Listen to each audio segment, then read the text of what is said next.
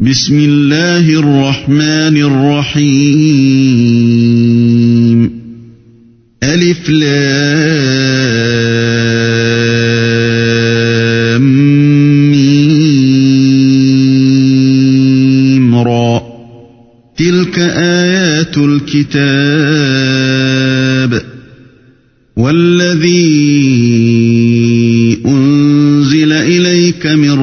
ربك الحق ولكن أكثر الناس لا يؤمنون Au nom d'Allah, le tout miséricordieux, le très miséricordieux.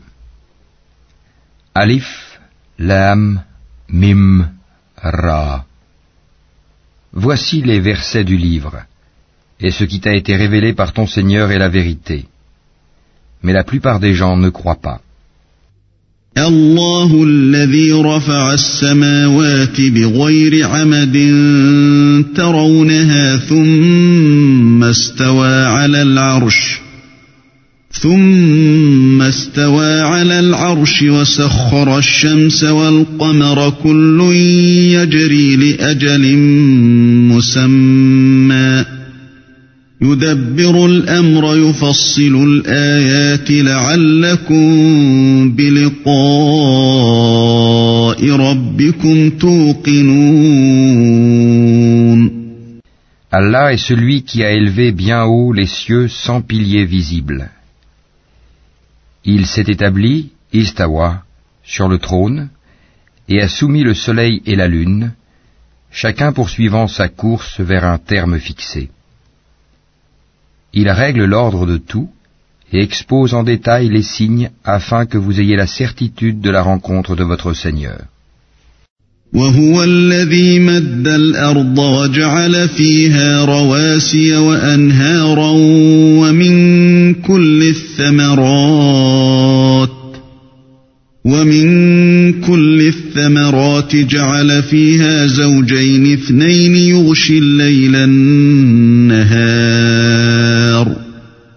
إن في ذلك لآيات لقوم يتفكرون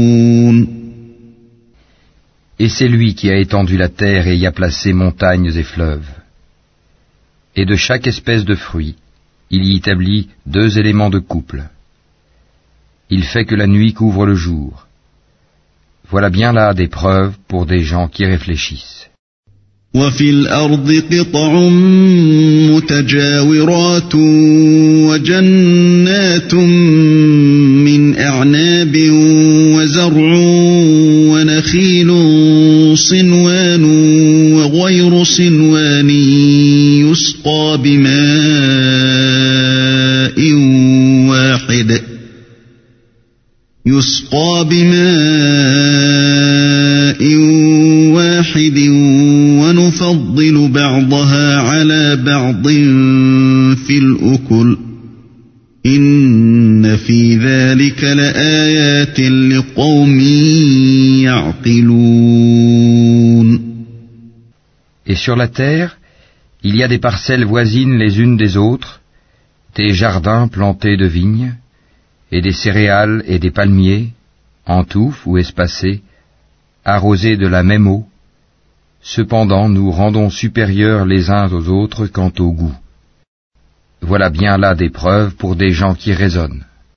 وإن تعجب فعجب قولهم أإذا كنا ترابا أإنا لفي خلق جديد أولئك الذين كفروا بربهم وأولئك الأغلال في أعناقهم وأولئك الأغلال في أعناقهم وأولئك أصحاب النار هم فيها خالدون. Et si tu dois t'étonner, rien de plus étonnant que leur dire Quand nous serons poussière, reviendrons-nous vraiment à une nouvelle création? Ceux-là sont ceux qui ne croient pas en leur Seigneur, et ce sont eux qui auront des joues à leur cou. Et ce sont eux les gens du feu, où ils demeureront éternellement. ويستعجلونك بالسيئة قبل الحسنة وقد خلت من قبلهم المثلات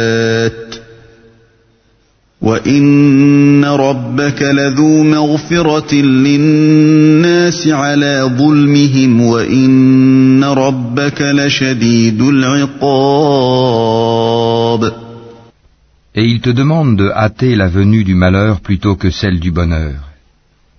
Certes, il s'est produit avant eux des châtiments exemplaires. Ton Seigneur est détenteur du pardon pour les gens, malgré leurs méfaits. Et ton Seigneur est assurément dur en punition.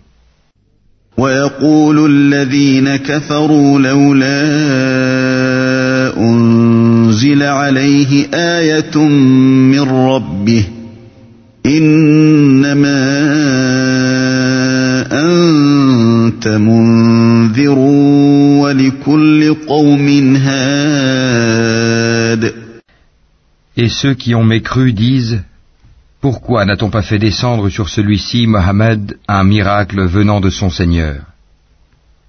Tu n'es qu'un avertisseur et à chaque peuple un guide. الله يعلم ما تحمل كل أنثى وما تغيض الأرحام وما تزداد وكل شيء عنده بمقدار Allah sait ce que porte chaque femelle et de combien la période de gestation dans la matrice est écourtée ou prolongée. Et toute chose a auprès de lui sa mesure.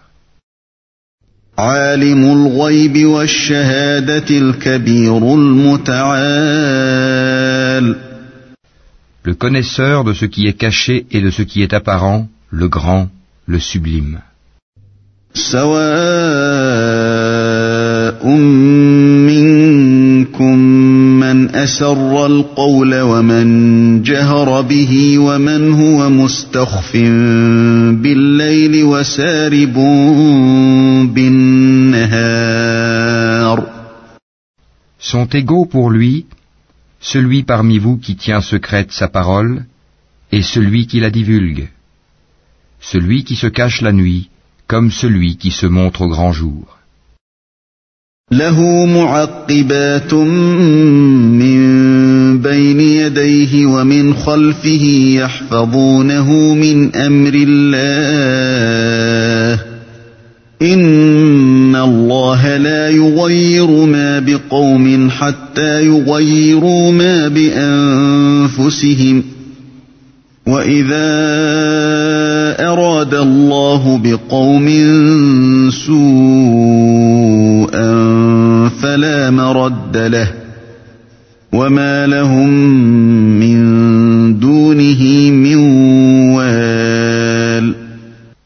L'homme a par devant lui et derrière lui des anges qui se relaient et qui veillent sur lui par ordre d'Allah. En vérité, Allah ne modifie point l'état d'un peuple tant que les individus qui le composent ne modifient pas ce qui est en eux-mêmes. Et lorsqu'Allah veut infliger un mal à un peuple, nul ne peut le repousser, ils n'ont en dehors de lui aucun protecteur.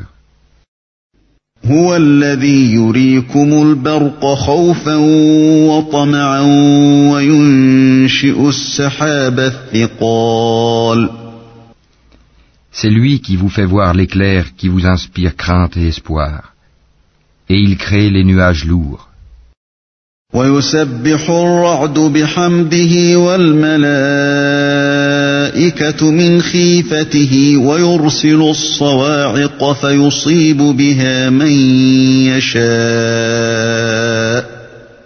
فيصيب بها من يشاء وهم يجادلون في الله وهو شديد المحال Le tonnerre le glorifie par sa louange et aussi les anges, sous l'effet de sa crainte.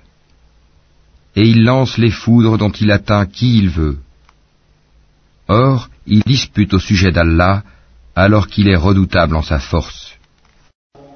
والذين يدعون من دونه لا يستجيبون لهم بشيء إلا كباسط كفيه إلى الماء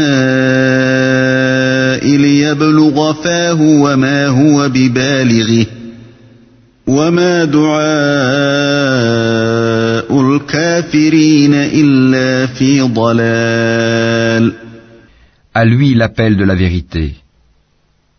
Ceux qu'ils invoquent en dehors de lui ne leur répondent d'aucune façon. Semblable à celui qui étend ses deux mains vers l'eau pour la porter à sa bouche, mais qui ne parvient jamais à l'atteindre. L'invocation des mécréants n'est que vanité. ولله يسجد من في السماوات والأرض طوعا وكرها وظلالهم بالغدو والآصال Et c'est à Allah que se prosternent bon gré mal gré tous ceux qui sont dans les cieux et sur la terre, ainsi que leurs ombres, au début et à la fin de la journée. قل من رب السماوات والأرض قل الله قل أفاتخذتم من دونه أولياء لا يملكون لأنفسهم نفعا ولا ضرًّا قل هل يستوي الأعمى والبصير أم هل تستوي الظلمات والنور أم جعلوا لله شركاء خلقوا كخلقه فتشابه الخلق عليهم قل الله خالق كل شيء وهو الواحد القهار. Qui est le Seigneur des cieux et de la terre? Dit Allah. Dit Et prendrez-vous en dehors de lui des maîtres qui ne détiennent pour eux-mêmes ni bien ni mal? Dit Sont-ils égaux, l'aveugle et celui qui voit? Ou sont-elles égales, les ténèbres et la lumière? Ou donne-t-il à Allah des associés qui créent comme sa création au point que les deux créations se soient confondues à eux? Dit Allah est le créateur de toutes choses et c'est lui l'unique, le dominateur suprême. أنزل من السماء ماء فسالت أودية بقدرها فسالت أودية بقدرها فاحتمل السيل زبدا رابيا ومما يوقدون عليه في النار ابتغاء حلية أو متاع زبد مثله كذلك يضرب الله الحق والباطل فأما الزبد فيذهب جفاء وأما ما ينفع الناس فيمكث في الأرض كذلك يضرب الله الأمثال Il a fait descendre une eau du ciel à laquelle des vallées servent de lit, selon leur grandeur. Le flot débordé a charrié une écume flottante. Et semblable à celle-ci est l'écume provenant de ce qu'on porte à fusion dans le feu pour fabriquer des bijoux et des ustensiles. Ainsi Allah représente en parabole la vérité et le faux. L'écume du torrent et du métal fondu s'en va au rebut, tandis que l'eau et les objets utiles aux hommes demeurent sur la terre. Ainsi, Allah propose des paraboles.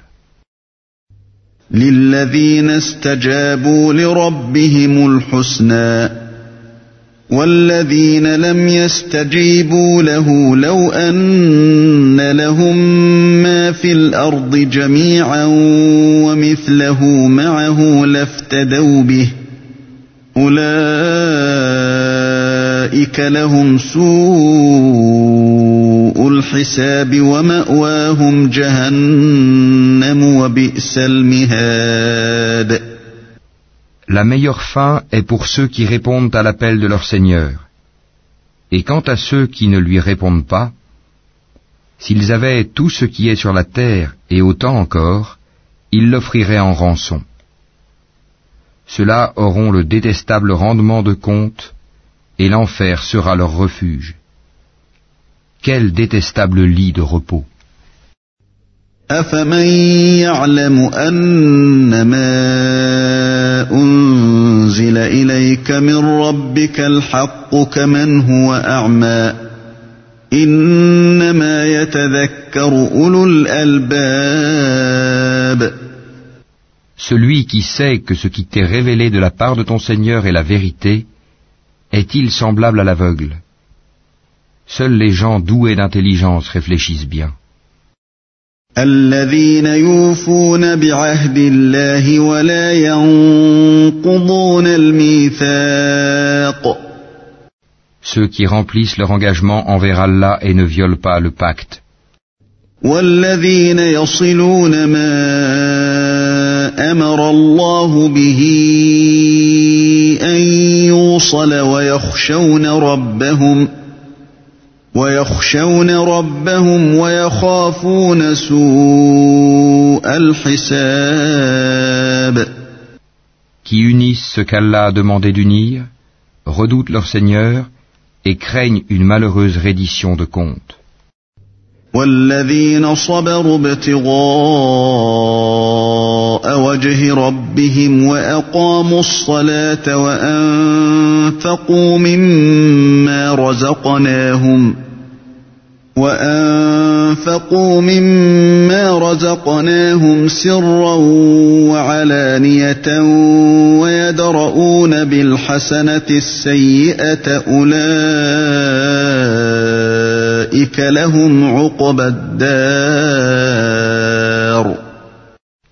Et qui endurent dans la recherche de l'agrément d'Allah, accomplissent la salat et dépensent dans le bien, en secret et en public, de ce que nous leur avons attribué, et repoussent le mal par le bien.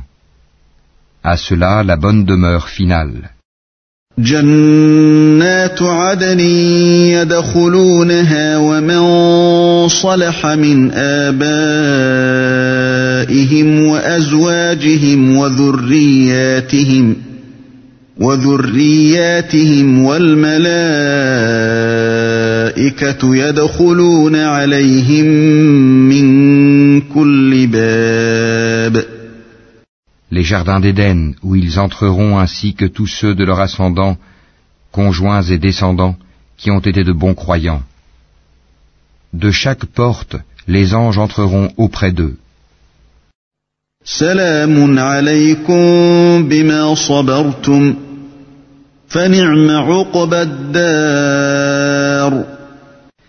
Paix sur vous pour ce que vous avez enduré.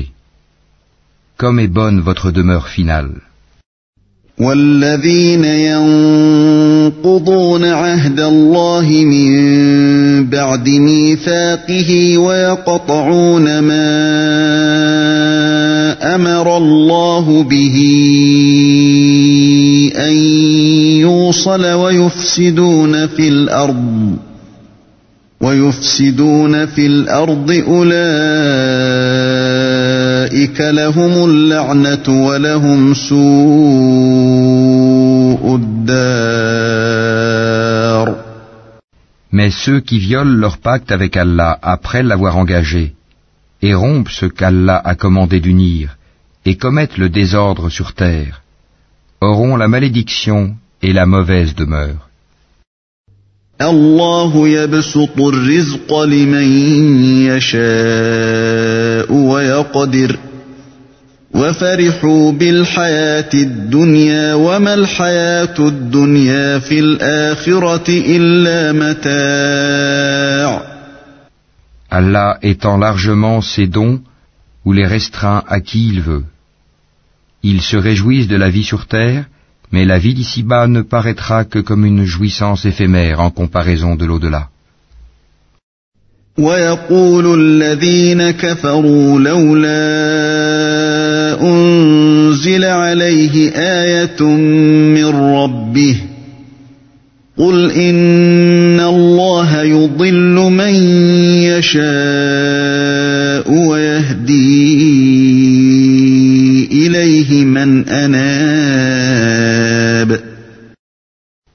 Ceux qui ont mécru disent Pourquoi n'a-t-on pas descendu sur lui, Mohammed, un miracle venant de son Seigneur Dis, en vérité, Allah égare qui il veut, il guide vers lui celui qui se repent.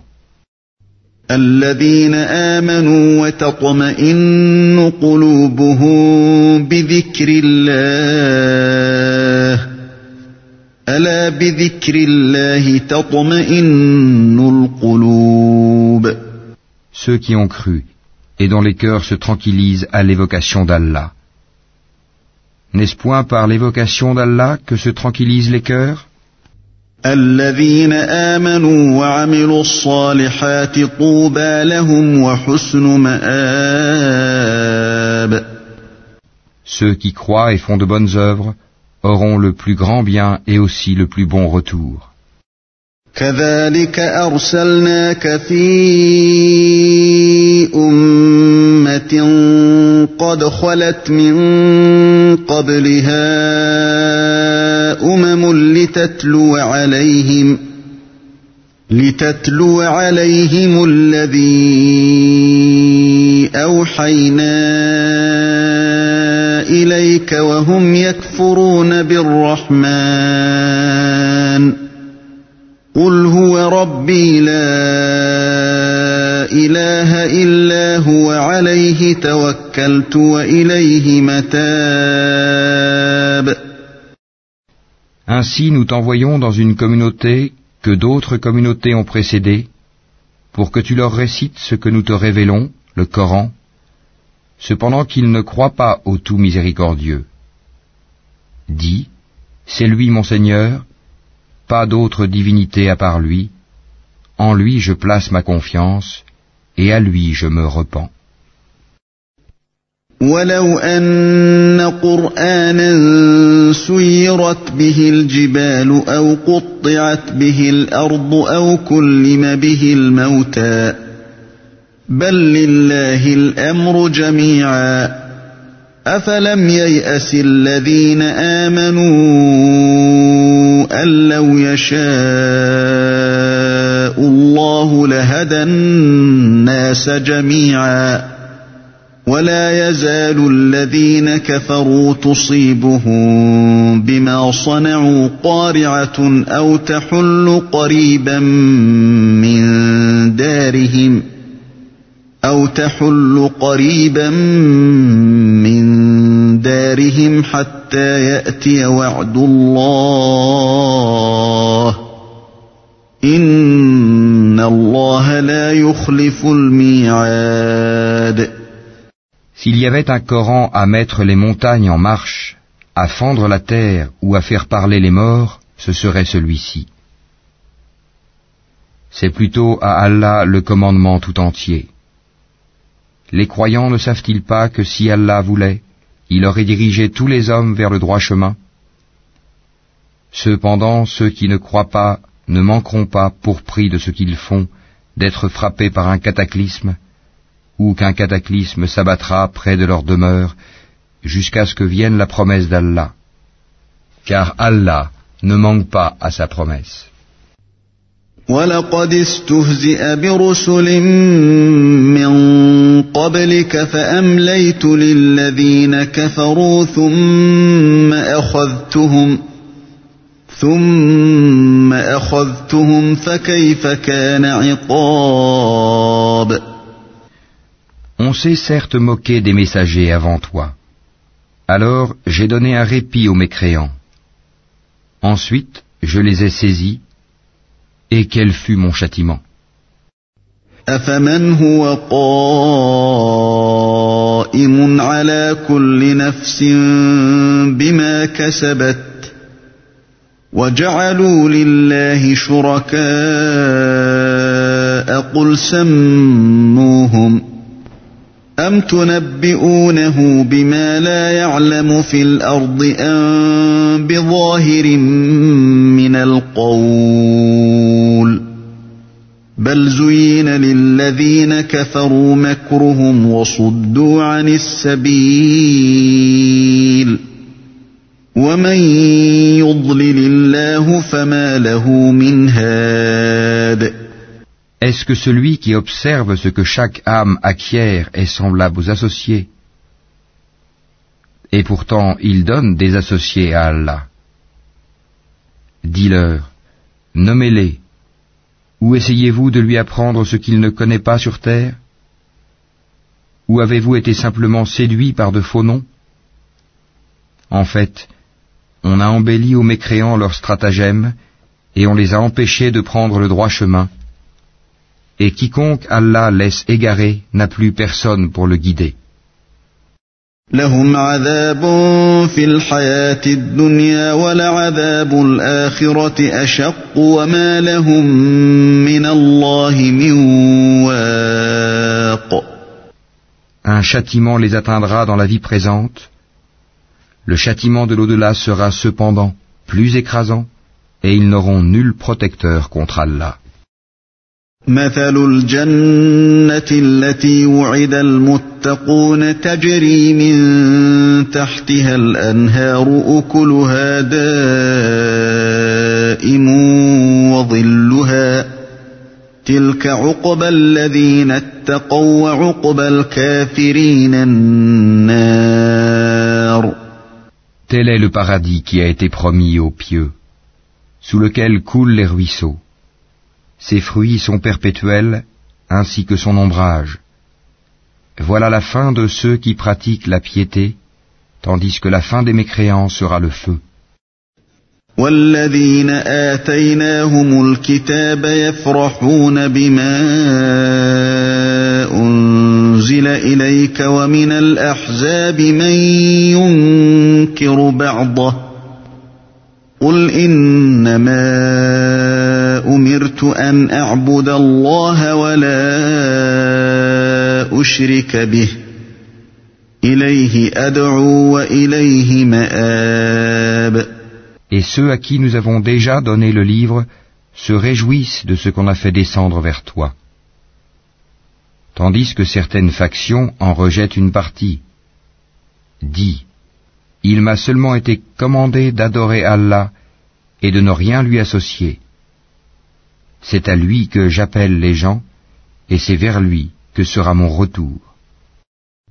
وكذلك انزلناه حكما عربيا ولئن اتبعت اهواءهم بعد ما جاءك من العلم ما لك من الله من ولي ولا واد Ainsi l'avons-nous fait descendre, le Coran, sous forme de loi en arabe. Et si tu suis leur passion après ce que tu as reçu comme savoir, il n'y aura pour toi contre Allah ni allié, ni protecteur. ولقد أرسلنا رسلا من قبلك وجعلنا لهم أزواجا وذرية وما كان لرسول أن يأتي بآية إلا بإذن الله لكل أجل كتاب Et nous avons certes envoyé avant toi des messagers, et leur avons donné des épouses et des descendants. Et il n'appartient pas à un messager d'apporter un miracle, si ce n'est qu'avec la permission d'Allah. Chaque échéance a son terme prescrit.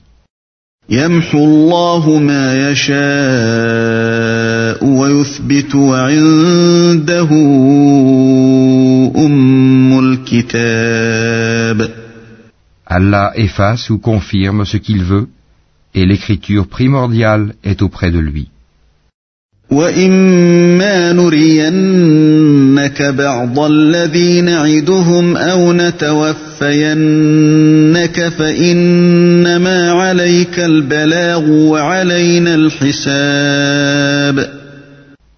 Que nous te fassions voir une partie de ce dont nous les menaçons, ou que nous te fassions mourir avant cela, ton devoir est seulement la communication du message et le règlement de compte sera à nous.